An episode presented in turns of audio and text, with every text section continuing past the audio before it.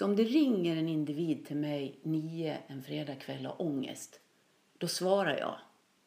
Och märker jag då att oj, det här är problematik, då pratar vi ett tag. Och jag förstod att um, om jag ska ta på mig de här ansvars och arbetsuppgifterna, då kommer jag att jobba ihjäl mig. För jag vill lägga, på den nivån jag vill lägga det på, jag var inte villig att sänka den. Och det kanske är fel såklart, men det var mitt val. Och jag, eh, jag hade önskat att förbundet, då hade jag önskat kunna satsat mer, men jag är jätteglad att det är så nu.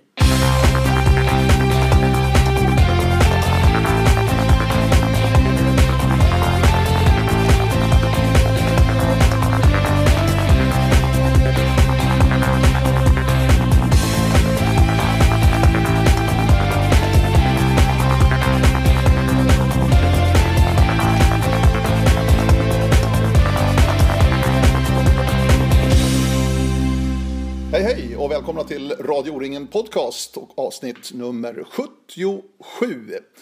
I det här avsnittet åkte jag, Per Forsberg, till Bålänge för att träffa Anneli Östberg. Anneli är en personlig och mental coach för många av de svenska landslagslöparna. Och I den här podcasten berättar hon om arbetet med att stärka och utveckla individen till att bli ännu bättre. Både som idrottare och människa. Det är en intressant podcast ur många aspekter där Anneli Östberg berättar om hur hon jobbar med de här personerna. Anneli har en bakgrund som lärare men även som förbundskapten, både för de svenska juniorerna som seniorerna. Men hösten 2013 sa hon tack och hej till förbundsuppdraget med anledning av besparingarna. Och det här var ett beslut som inte var det lättaste att ta.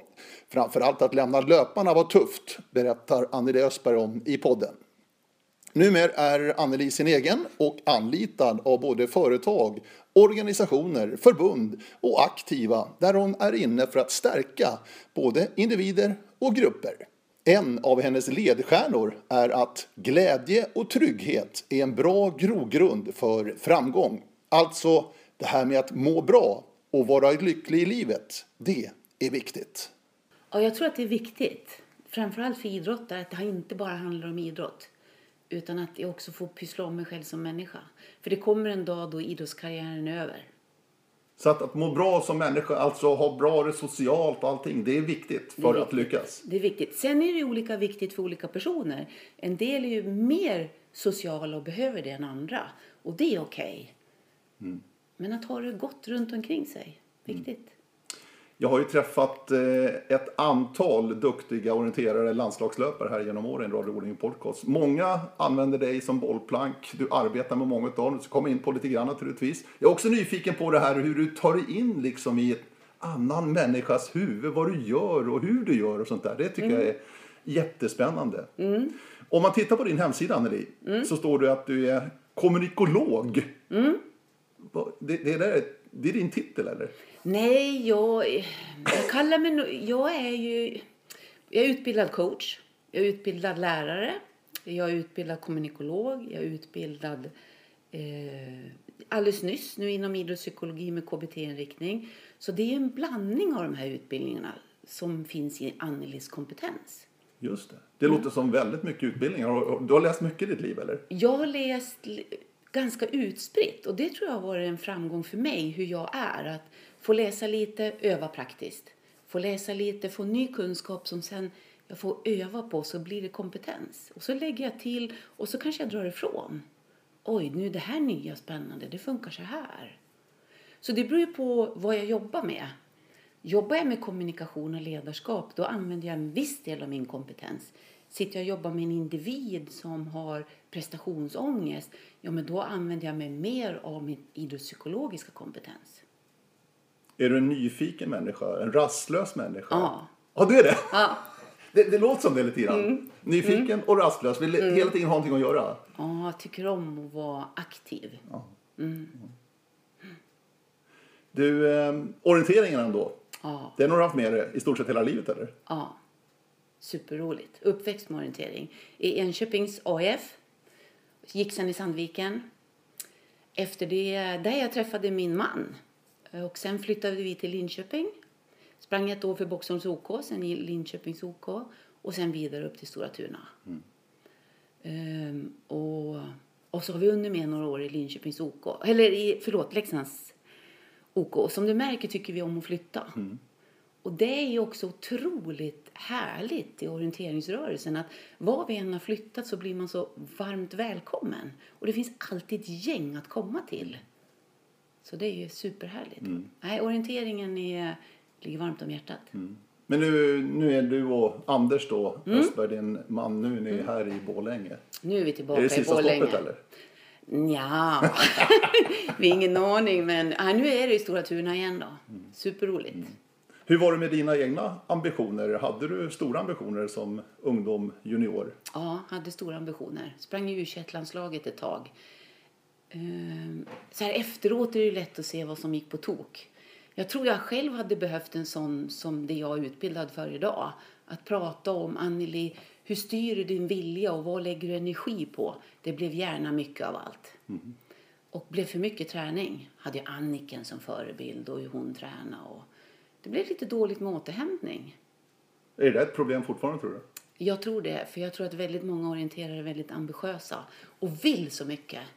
Så att jag planerar någonting och det är sällan det blir mindre än det jag planerar utan det blir gärna lite mer också. Svårt att säga nej till saker och mm, verkligen gör sitt yttersta på alla träningar. Du, eh, du driver din egen verksamhet nu för tiden. Men så har det inte alltid varit. Du har varit anställd också Ja, som lärare. lärare 18 år. Ja. Superroligt. Vad var du för lärare? Eh, mest på högstadiet, idrott och hälsa. Så himla roligt. Jobbar mycket i Västerdalarna. Fantastiska ungar. Helt otroliga. Du vet, det är man rakt på. Ärliga och genuina. Och kommer de till idrottslektionen och inte har med sig kläder så är det inte så här, du Anneli, jag har inte med mig kläder därför att, därför att. Nej, nej. Utan det är Anneli, jag orkar inte packa väskan idag. Och sen är det inte med med det. Och det har jag gillat. Har du gillat det? Ja, jag har gillat det. Då blir det mer, okej, du har inte så mycket krafter idag. Vad kan vi göra åt det? Och så försöka hitta inspiration i vad eleven tycker är roligt. Och så nästa gång så kommer eleven och är med på idrotten. Istället för att jag sågar den vid knäna direkt och börjar tänka att den är slö och lat och inte orkar packa grejer. Då bemöter jag eleven på ett annat sätt. Så det har alltid varit min drivkraft. Även på gympan. Så många som möjligt. Att de får göra någonting som ger lust. Lyckades du då? Ja, det tycker jag faktiskt. Du tycker det? Ja. För man hör ju skolan, eh, det är ju jobbigt för många i skolan. Så är det ju, även med idrotten då. Det är en aktuell debatt nu också om där Gabriel Wikström då, utbildningsministern och hälsoministern, nej inte utbildningsministern, hälsoministern ska jag säga, eh, säger nej till att utöka då antalet gymnastiktimmar. Och tycker ändå att barnen ska röra sig på ett annat sätt i skolan. Det är ju liksom det hans och regeringens motivering är. Ja. Vad, vad säger du om den här diskussionen och debatten? Jag säger självklart ska barnen röra sig varje dag. Eh, Och framförallt idag när eh, vi tyvärr ser att eh, föreningslivet riktar sig till barn som gör mer och mer men färre barn kanske kommer dit. Där kan ju vi göra någonting såklart för att ändra den situationen, att fler hittar till idrotten. Men även under dagtid så behöver ju barn få rörelse för, för att kunna sitta still och inhämta kunskap.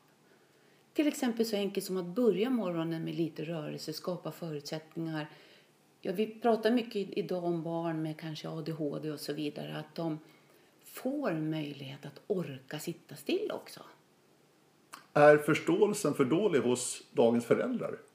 Att deras barn behöver mer aktivitet? Att röra sig mer, eller? Jag tror att det är väldigt blandat. Jag tror många föräldrar har full förståelse och vet det. Men så är de, många i det här ekorrhjulet. Jobb, barn, allt ska ordnas och fixas och så oj, så gick åren och så hur blev det? Men jag tänker i skolan skulle vi ju verkligen ha en möjlighet att kunna tillgodose alla barn rörelsebehov. Men du trivdes, 18 år alltså, Ja. i skolans värld. Ja. Och jag trivdes jättebra. Jag kan tänka mig att jag kanske går tillbaka till skolan igen. Du kan Jag- längta ibland sådär? Ja, jag längtar till det här vardagliga tugget med eleverna och träffa dem varje vecka och så. Precis som jag kan sakna landslaget också. Det var ju nio år där att jobba under en längre period med samma människor. Att det är mysigt. Det är härligt att se en utvecklingskurva. Ja, jag förstår det. För Mm. det är ju det är precis det du gör. va? Du kan nästan bocka av liksom. Att här händer det saker. Vet när du får en ny klass och du märker direkt kanske att oh, här finns det tre, fyra stycken som inte riktigt gillar det här ämnet.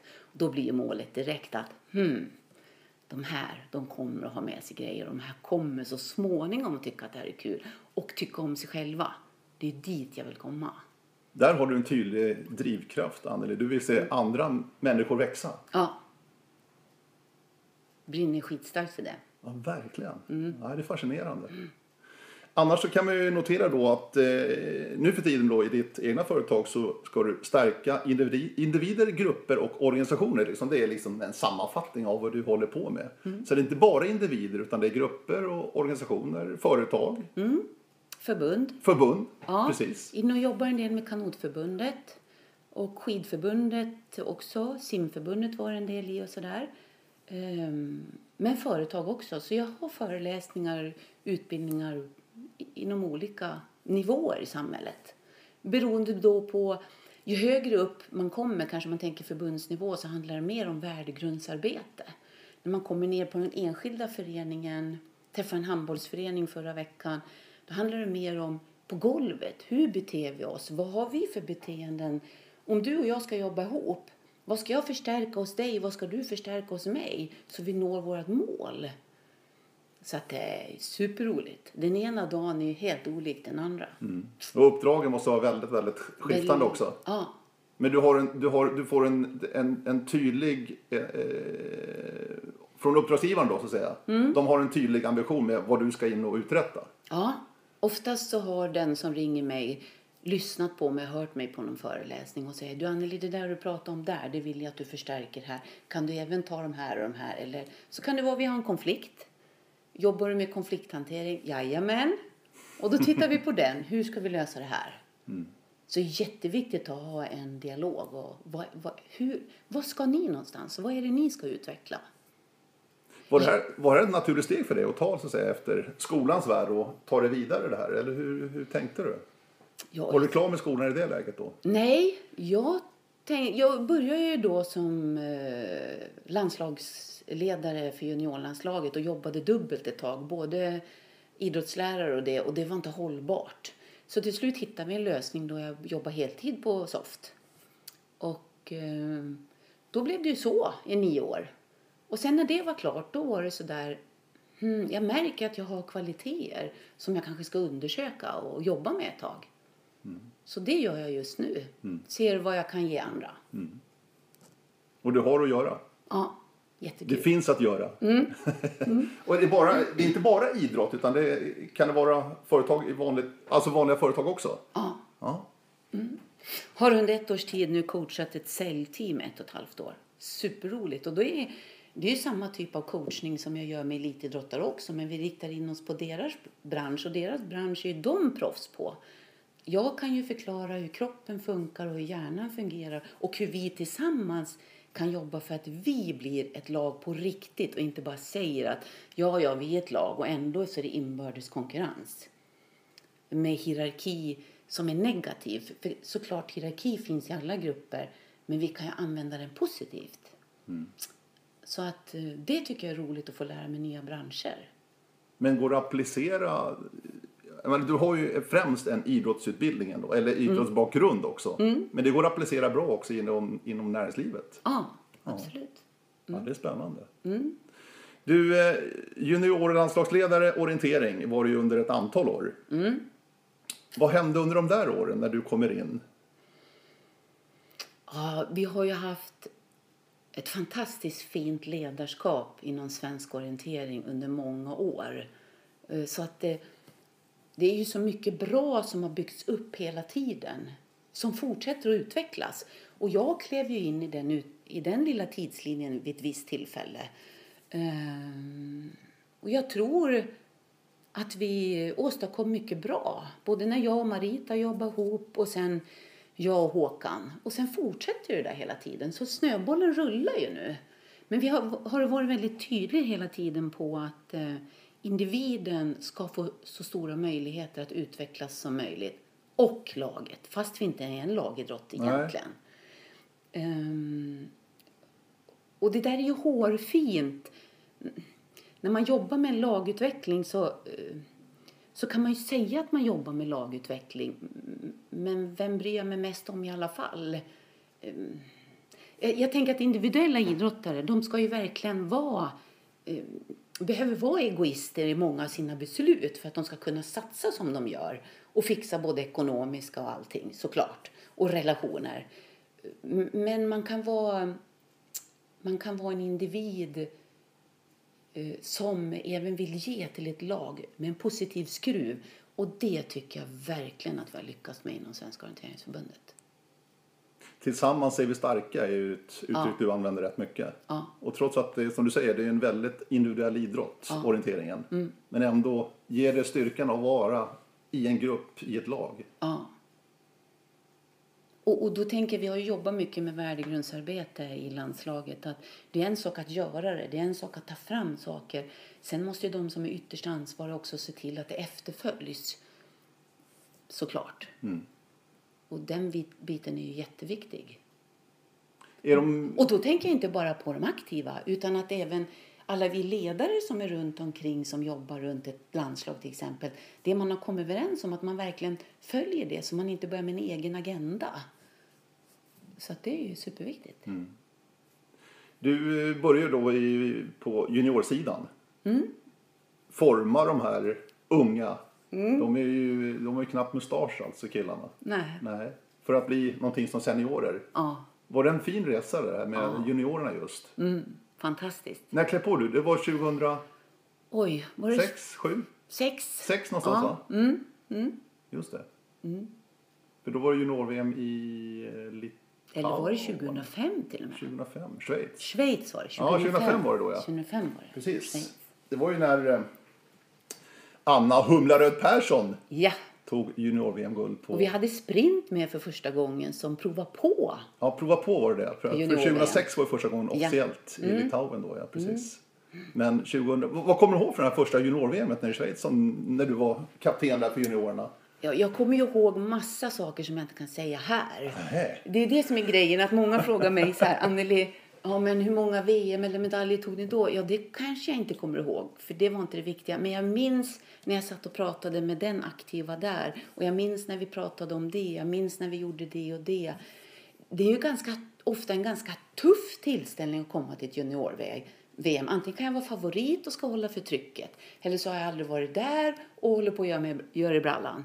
Så det är ju så mycket som händer under de här dagarna. Och alla sådana här episoder, det kommer jag ihåg alltså.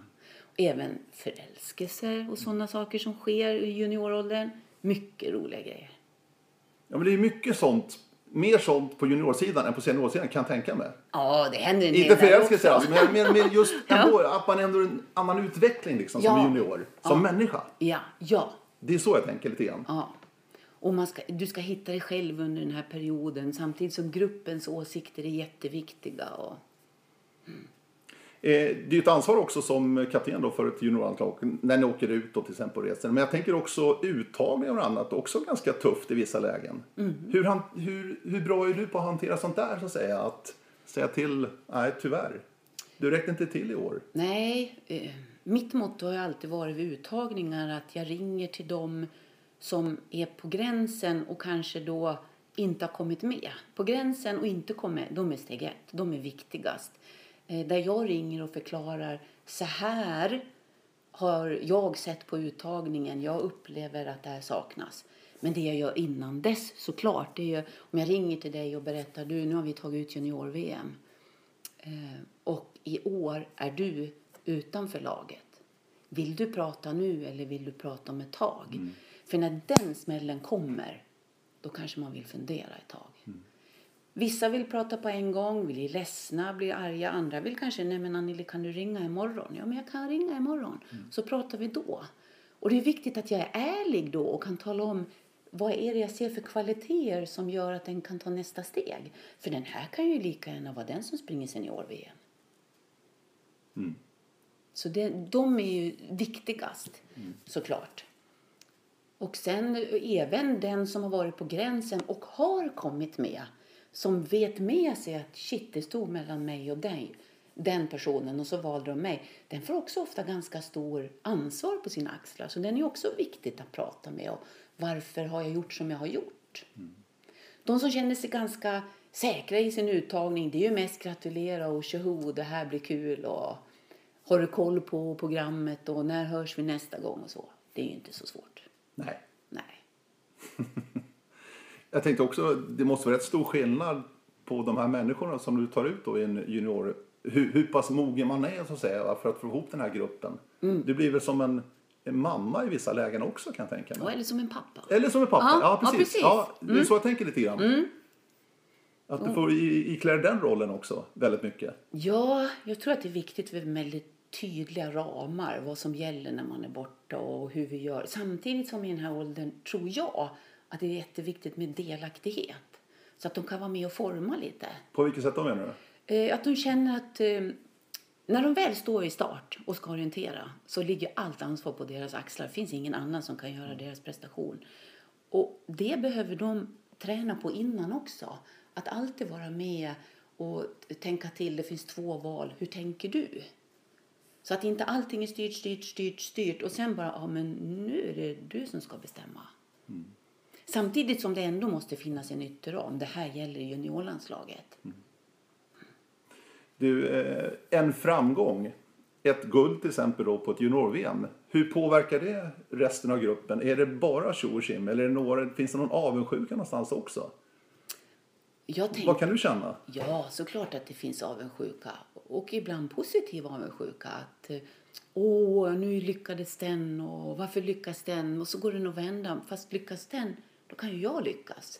Vad var det den gjorde? Vad kan jag göra? Vad är det den ligger före mig? Så att, att kunna använda det, det är okej att bli avundsjuk.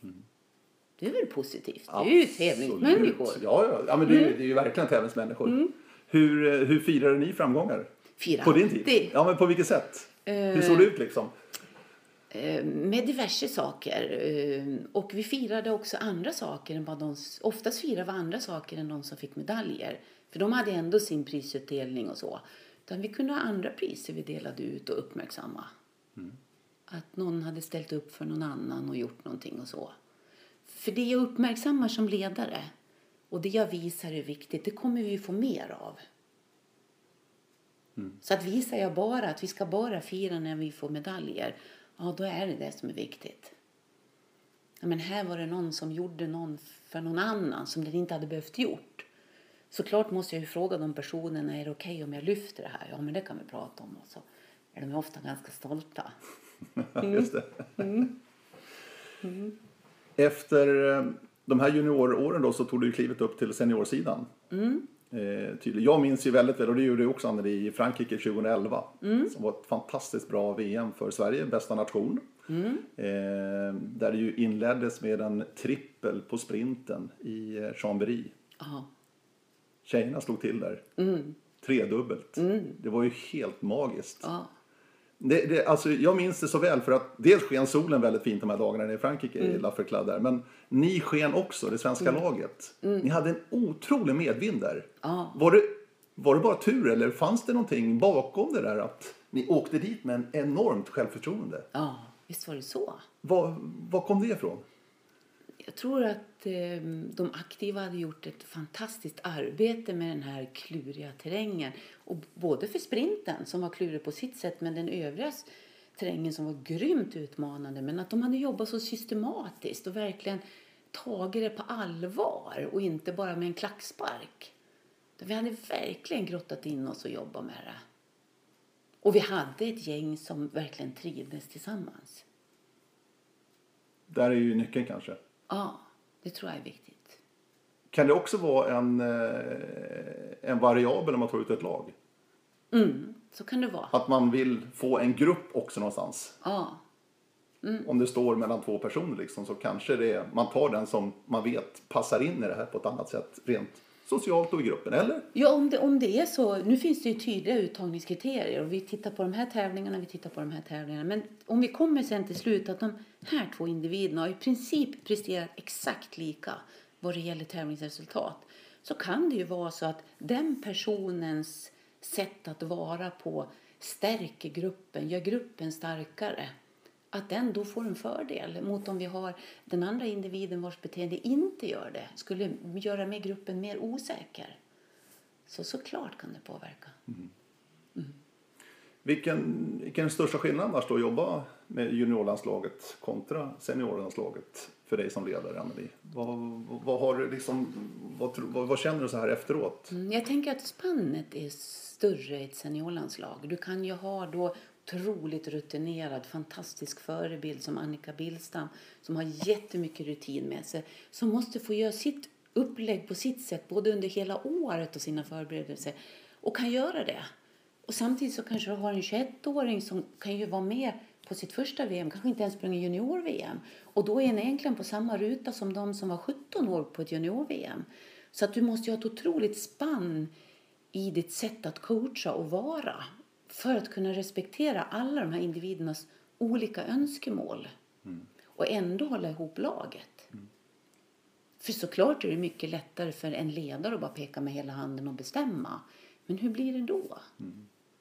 Men hur är det, din erfarenhet? Är det, är det lättare, behöver man göra mindre liksom, jobb med de här erfarna? Att de, de, de har sina planer, inte bara Annika, det är inte det jag tänker på, men någon sorts metod så att säga. Va? Sköter de mer sig själva på något sätt? Är det din känsla? Eller? Jag tänker att det, det är lätt på olika sätt. Så att det, det, är lätt, det är lika lätt med juniorer och lika lätt med seniorer. Så finns det utmaningar på båda ställen. Fast utmaningarna är olika. Så att jag måste vara lyhörd som ledare och, och fundera vad är det för utmaning den här står inför. Och då kanske det är lite mer samma utmaning under junioråldern. Och det spretar mer på seniorsidan. Så på ett sätt kan ju det vara tuffare med seniorsidan. Eh, du och Håkan då som eh, ju eh, var ett eh, ledar-coachpar då för det svenska landslaget 2000, fram till 2013 blev det ju. Eh, vad hade ni för uppdelning? Du och Håkan? Ja, Hur, hur jobbade ni? Det varierar lite olika beroende på vad som hände i förbundet. För först hade vi Pekka som jobbade med oss också. Och då var vi likställda förbundskaptener båda två. Sen ändrades det där. Och eh, Håkan hade småbarn och jag hade lite äldre barn. Och våra olika livssituationer gjorde att vi kunde dela upp ansvarsområdena på olika sätt. Eh, Jag reste mer på läger och utomlands och Håkan tog mer möten i Stockholm och så vidare. Och på så sätt försökte vi pussla ihop det så att det skulle bli bra för oss. Och Man rent tänker arbetsmiljömässigt. Jag tycker att vi kompletterar varandra bra. Hur tätt jobbar ni? Så? Hur mycket kontakt har man? När man... Väldigt. Jag menar, du, ni bor Ja. här uppe i Dalarna och Håkan är i Örebro-trakten. Ja, mycket kontakt. Det blir så. Ja, För det, det är ju liksom, VM är ju skyltfönstret. ja, Men det är en vecka då varannat år. ja. Det finns ganska mycket tid runt omkring där också. Ja. Det händer mycket för ett, eh, under ett landslagsår tänker jag. ja väldigt mycket. Och hur mycket kontakt liksom med, med löpare? Re, är det, det är väldigt regelbundet eller? Ja, det hade vi också kanske på lite olika sätt jag och Håkan. Och vi hade olika många också beroende på vad vi hade för andra arbetsuppgifter. Och mm, det beror lite på hur löparen vill ha det. En del vill träffas var tredje vecka regelbundet och vill träffas fysiskt. Och verkligen sitta och prata och kanske även göra en del man kan inte säga som övningar, men vissa saker kan man jobba med mentalt mer praktiskt. Medan någon kanske bara vill ställa av, stämma av i telefon. Så det där är väldigt olika, men med de flesta var det regelbundet. Hjälpte du till med träningsupplägg och sånt också? Ja, olika från olika individer. Ja. I huvuddelen så hade jag mest eh, kontakt med, med den mentala biten och kanske också upplägg och checka över hur det ser ut och gö- att göra prioriteringar och val. Eh, men även med några även på den fysiska biten. Vad tänker du Men på? mer tekniskt mentalt. Ja. När du säger prioriteringar och val. Mm. Vad är det för prioriteringar och val en landslagslöpare och orientering står inför? Alltså i princip dagligen. Ja, För att kunna få, få ihop den träning som behövs och allt annat. Vad, vad är det för... Ja, det är en massa val. Ja. Och det är de här små må- valen som kan vara betydelsefulla. Att, aj, nu har jag gjort den här veckoplaneringen, jag har haft den här två veckors planeringen eller vad jag nu jobbar med. Och så börjar jag få in känningar på insidan av knät. Ja, då kommer jag till ett val direkt. Jag har gjort en plan som jag vet här uppe i huvudet det är skitbra träning. Nu har jag känning på insidan av knä.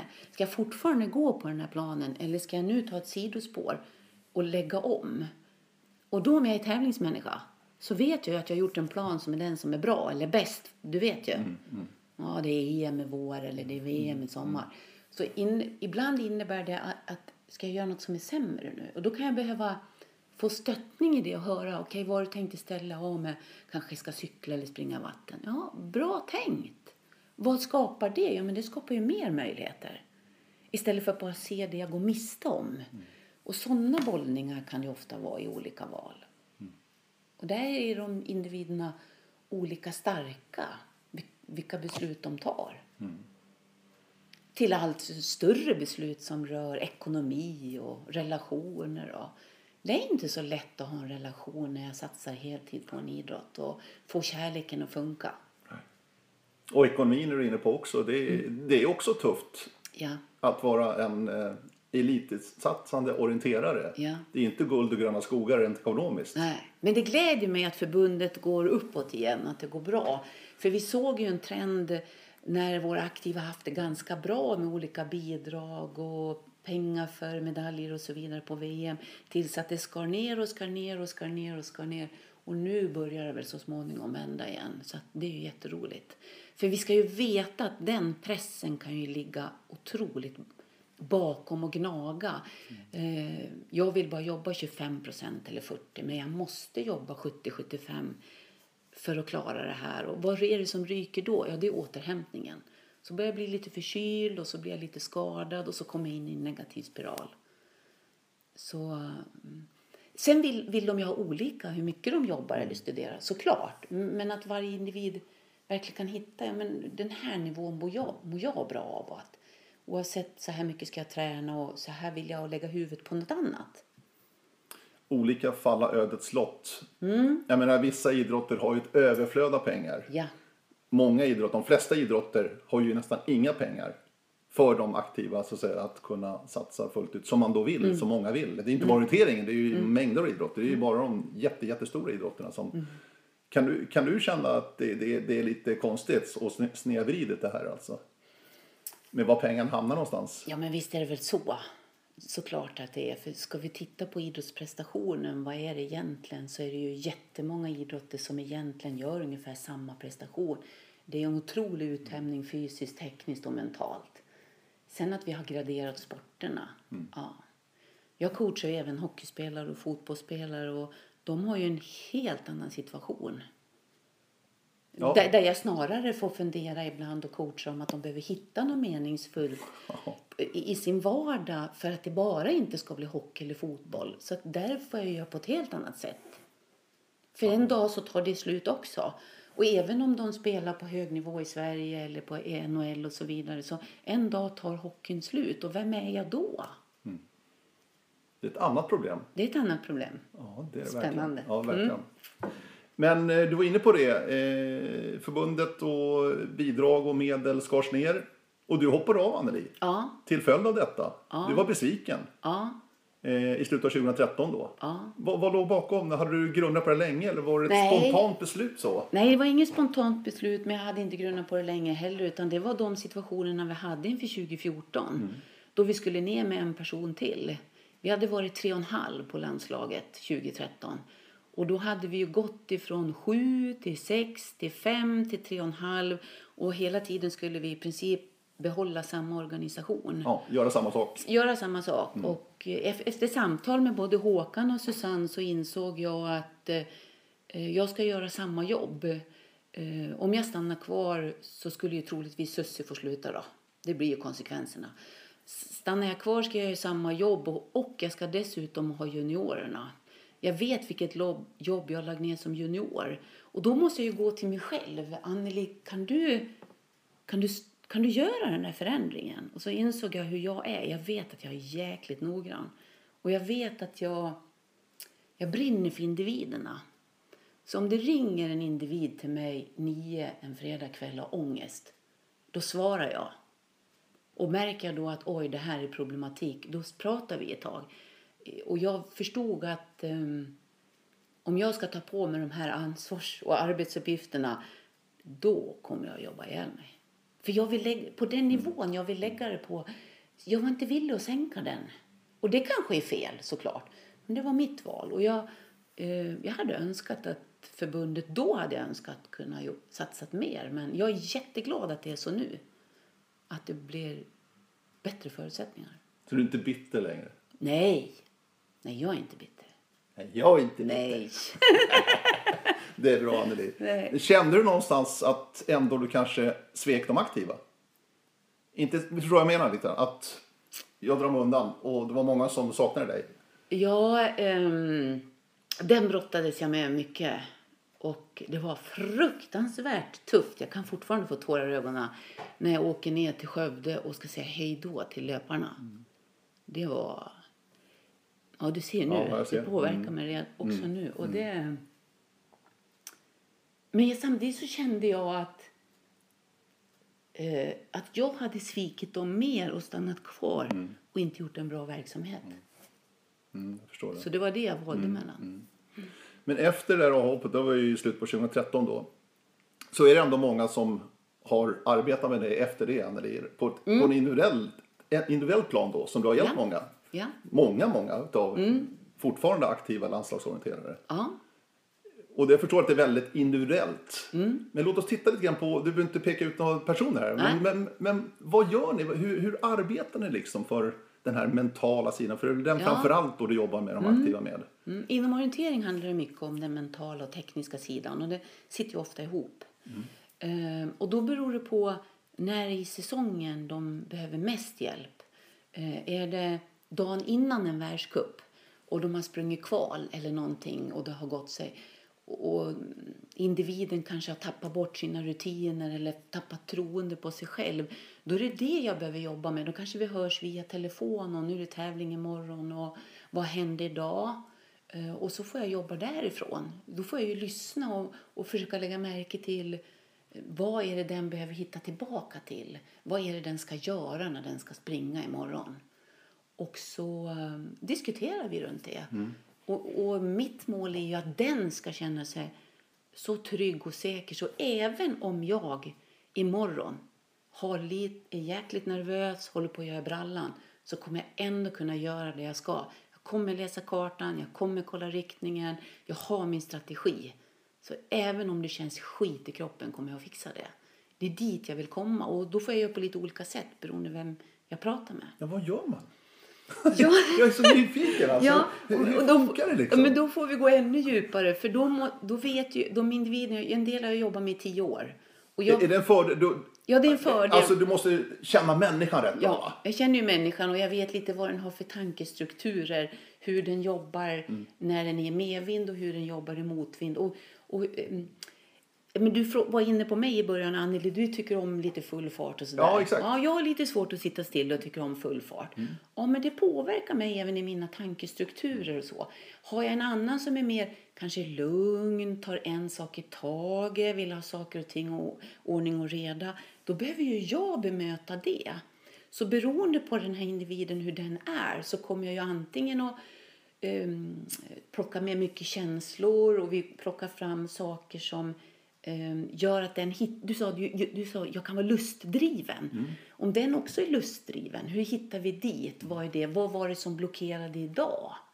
Men är det någon som mer som det är kaos i huvudet och den behöver ta en sak i taget, då ska vi skala bort. Det har blivit för mycket att tänka på. Vad är egentligen viktigt nu, ikväll och imorgon bitti innan start? Så där måste jag också, vem är det jag pratar med?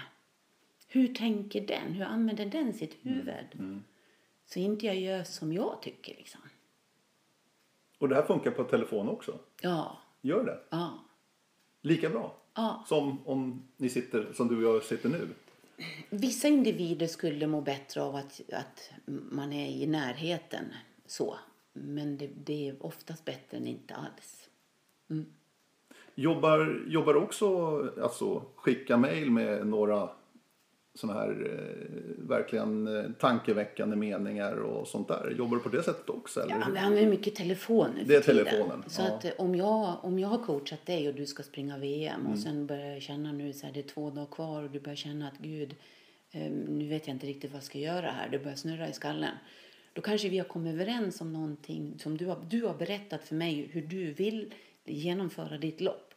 Då kan ju jag skriva ner och så tar jag ett kort och så skickar jag till dig så pling och så kommer telefonen och så pratar vi. Kommer du ihåg när vi pratade om det här? Hur kommer vi tillbaka till det? Jag träffade ju Caroline Olsson här för här förleden. Mm. Hon var med i podden här i början på året förresten. Eh, Helt underbart. Silversmeden alltså i Stockholm där och Gälla. Mm. Och hon, hon tycker ju fantastiskt att jobba med dig Anneli, Caroline. Mm. Eh, Hon är ju också en, en hyfsat positiv människa. Mm. Men hon berättar att hon tycker det är så otroligt skönt att träffa dig liksom. Och, Mm. Hon får så mycket energi av dig. Hur känns det där att höra liksom? Det känns jätteskönt att höra såklart. Ja. För det är ju det jag vill. Jag vill ju kunna, jag vill ju kunna nästan vara som en kranöppnare åt dem så att de sen kan köra själva. Jag vet ju att jag kan påverka. Alla vi människor påverkar såklart. Och att då vill jag påverka så att de sen kan få fram sina egna, egna drivkrafter och veta hur de ska göra. För det är de som gör jobbet. Det är inte jag. Nej. Det är de som gör jobbet. Men om, kan jag vara med och påverka så att de får tillgång till det, det är ju fantastiskt. Och hur njuter du av deras framgång, de du jobbar med då? Åh, jag njuter jättemycket. Ja, det måste göra det va? Och det är inte bara när det blir resultat. Det kan ju vara när det har varit motgångar men jag ser hur de börjar lösa det. Och det är ändå en utveckling som sker över år. Så att jag märker och ibland kanske vi runt omkring märker mer vad det är på väg än de själva. De Ja, är så mycket det. uppe Ja, i det. ja. Men det är fantastiskt roligt. Hur, hur är det efteråt då? Gör ni avstämningar liksom och checkar Mm. av saker och ting? Bockar av liksom? Efter ett mästerskap är det ju viktigt att utvärdera och både titta vad funkar, vad finns det utvecklingsmöjligheter inom, vad ska vi ta med till nästa år. Och då eh, inför ett mästerskap eller före en tävling då är det ju mer kanske på detaljnivå och tävlingen som kommer. Sen när det börjar bli oktober, november, då har vi ju gott om tid.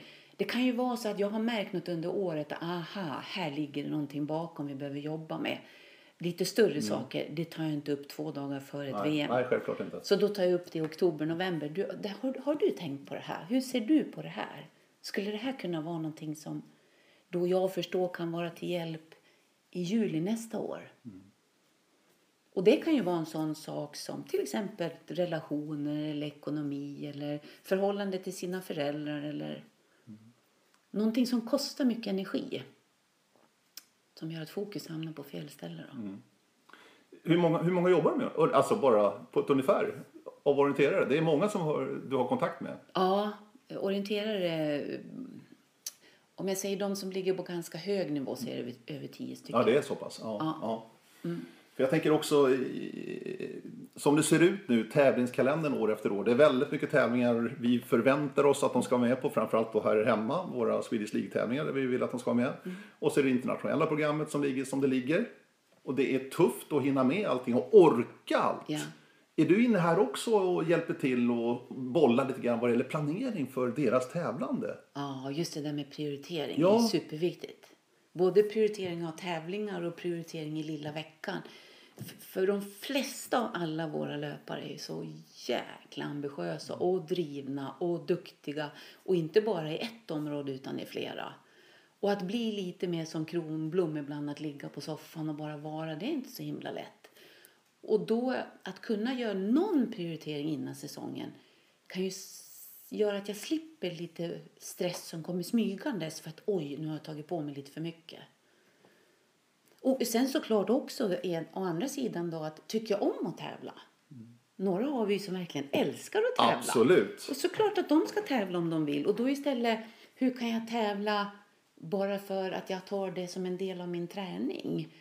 Och, och då är det klart, ju bättre de är så, så kom, får de ju alltid ett mediapåslag. Även om, ja men om vi tar Tove, om hon åker bara springer en tävling i Dalarna så är det klart att tidningarna här vill skriva om det. Och då behöver jag ju kunna förhålla mig till det. Så att det beror på vilken nivå de är på och hur de vill förhålla sig till tävlingarna. Och det går ju att träna på och göra annorlunda. För älskar jag att tävla, det är ju klart jag ska tävla då. Om jag bara kan förhålla mig till det och inte lägga 110 procent varje gång. Jag tänker också den elitorienterarens vardag. Eh, det handlar ju om träning, det mentala som du är inne på, få ihop en ekonomi. kosten är också en viktig bit här. Att orka med den sidan. Och se till att man får i sig tillräckligt och, på, och att det är bra kost. Är du med där också eller? Jag kan, inte Kan du de bitarna? Ja, jag, jag, kan, jag, jag kan säga att jag kan de bitarna mer hur jag förhåller mig till kost. Eh, det är en bit som jag var glad över att jag fick skriva om i Skidförbundets nya Skidor för ungdom. Just hur vi förhåller oss till kost. Jag är inte proffs på detaljerna, men jag tänker på ehm, att jag får rätt balans i min kosthållning och ehm, kanske också hur vi som ledare, vad vi ska tänka på. För jag upplever att det har svängt att många ledare har blivit så rädda för att prata om kost och vad det innebär. För att gud, då kan man starta en ätstörning. Så man nästan hellre väljer att stoppa huvudet i sanden. Eh, Så jag går inte in på detaljer. Om en aktiv behöver hjälp där, mer hjälp än vad jag kan ge, då tar vi proffshjälp. Det är ju viktigt vad det än handlar om. Men, men för, för, kroppen så finns det ju ganska tydliga signaler på när den är i balans. Jag är frisk, jag är hel, som kvinna har jag mens, jag har en ganska stabil viktkurva. Det finns ju ändå ganska många riktmärken som jag som coach bör ha koll på dem jag coachar. Hur ligger det till nu? Uttag och intag, är det liksom... Hur är det här med ätstörningar? Har det, är det på väg att gå neråt lite? Är, det- är det samma, samma, samma nivå liksom fortfarande? Är det fortfarande ett problem? Det är fortfarande en utmaning inom idrotten. Det är det? Ja. Ja. Jag hoppas, jag vet inte om det är så, men jag hoppas och tror att vi har blivit bättre på att se det tidigare. Så att det kan stanna vid en ätstörning och inte bli en anorexi. Nej. Och då har vi lyckats långt. För jag tror att att tro att vi inte ska få ätstörningar, det, det är utopi. Nej, det är. Just med tanke på hur samhället ser ut. Och i den här åldern, om vi tänker från 12 års ålder och upp till 18-19 när det händer så mycket. Att inte tro att någon ska börja laborera med det. De flesta, väldigt många av våra idrottare har ju provat någon gång. Vad händer om jag går ner två kilo? Oj, det gick mycket lättare att springa. Och vad som händer sen är ju jätteviktigt. Och framförallt hos kvinnor som då, det beror så på vad, vad hormonerna gör och hur puberteten kommer. Och hur kroppen växer så kommer ju de här tankarna lättare än om, om man kan generalisera och säga att jag är mer en, en pojkflicka i kroppen eh, och puberteten är mer utdragen så kanske inte jag får så många utmaningar. Blir jag väldigt stor, kraftigare om rumpan, får stora bröst, jag tror 17 att tankarna kommer. Mm. För jag får inte ihop det där riktigt. Alltså, det här med ätstörningar och ändå kunna prestera. Mm. Måste vara extremt svårt. Eller? Ja, eh, och samtidigt så är de ju, idrottarna är ju otroligt disciplinerade Ja. och strukturerade, många av dem. Så för många mm, så kan de styra den biten också. Ja. Jag tänker det måste vara ett energiläckage någonstans. Ja, men kanske att, att vissa, vissa personer mer eh, har en sån tankestruktur där de vill ha ordning och reda, ha koll och det ska vara si och det ska vara rätt och det ska vara riktigt. Och då kan det vara lättare att lockas in i ett kontrollbeteende än att Nej, det var inte så noga vad jag åt idag. Jo, här var noga. Och, och det, det är ju sådana saker som man kan lägga märke till ganska tidigt. Efter eh, det där fantastiska VMet i La Ferclado, Frankrike 2011, så eh, fick ju du och Håkan TTs ledarpris. Hette det väl tror jag. Det måste ha varit en fantastiskt skön känsla ändå att få, få ett bevis på att man gjort någonting bra. Ja, och för våran idrott. Ja, för idrotten också, självklart. Verkligen. Att man hade uppmärksammat orienteringen och att det var en idrott som verkligen hade gjort framsteg och superroligt. Men kunde inte du uppskatta det personligen Jo, också? absolut. För det måste man väl ändå ta till sig. Mm.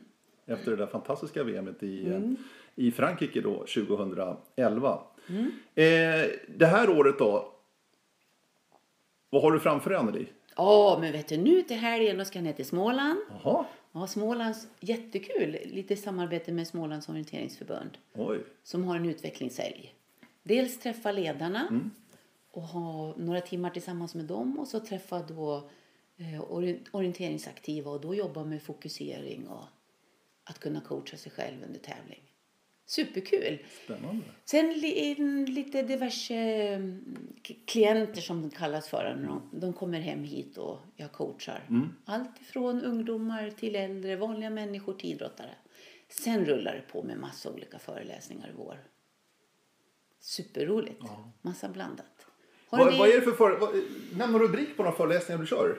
Ehm, framgångsrikt ledarskap. Ja. Vad är det? Vad innebär det? Vad bör jag tänka på som ledare för att få andra att utvecklas?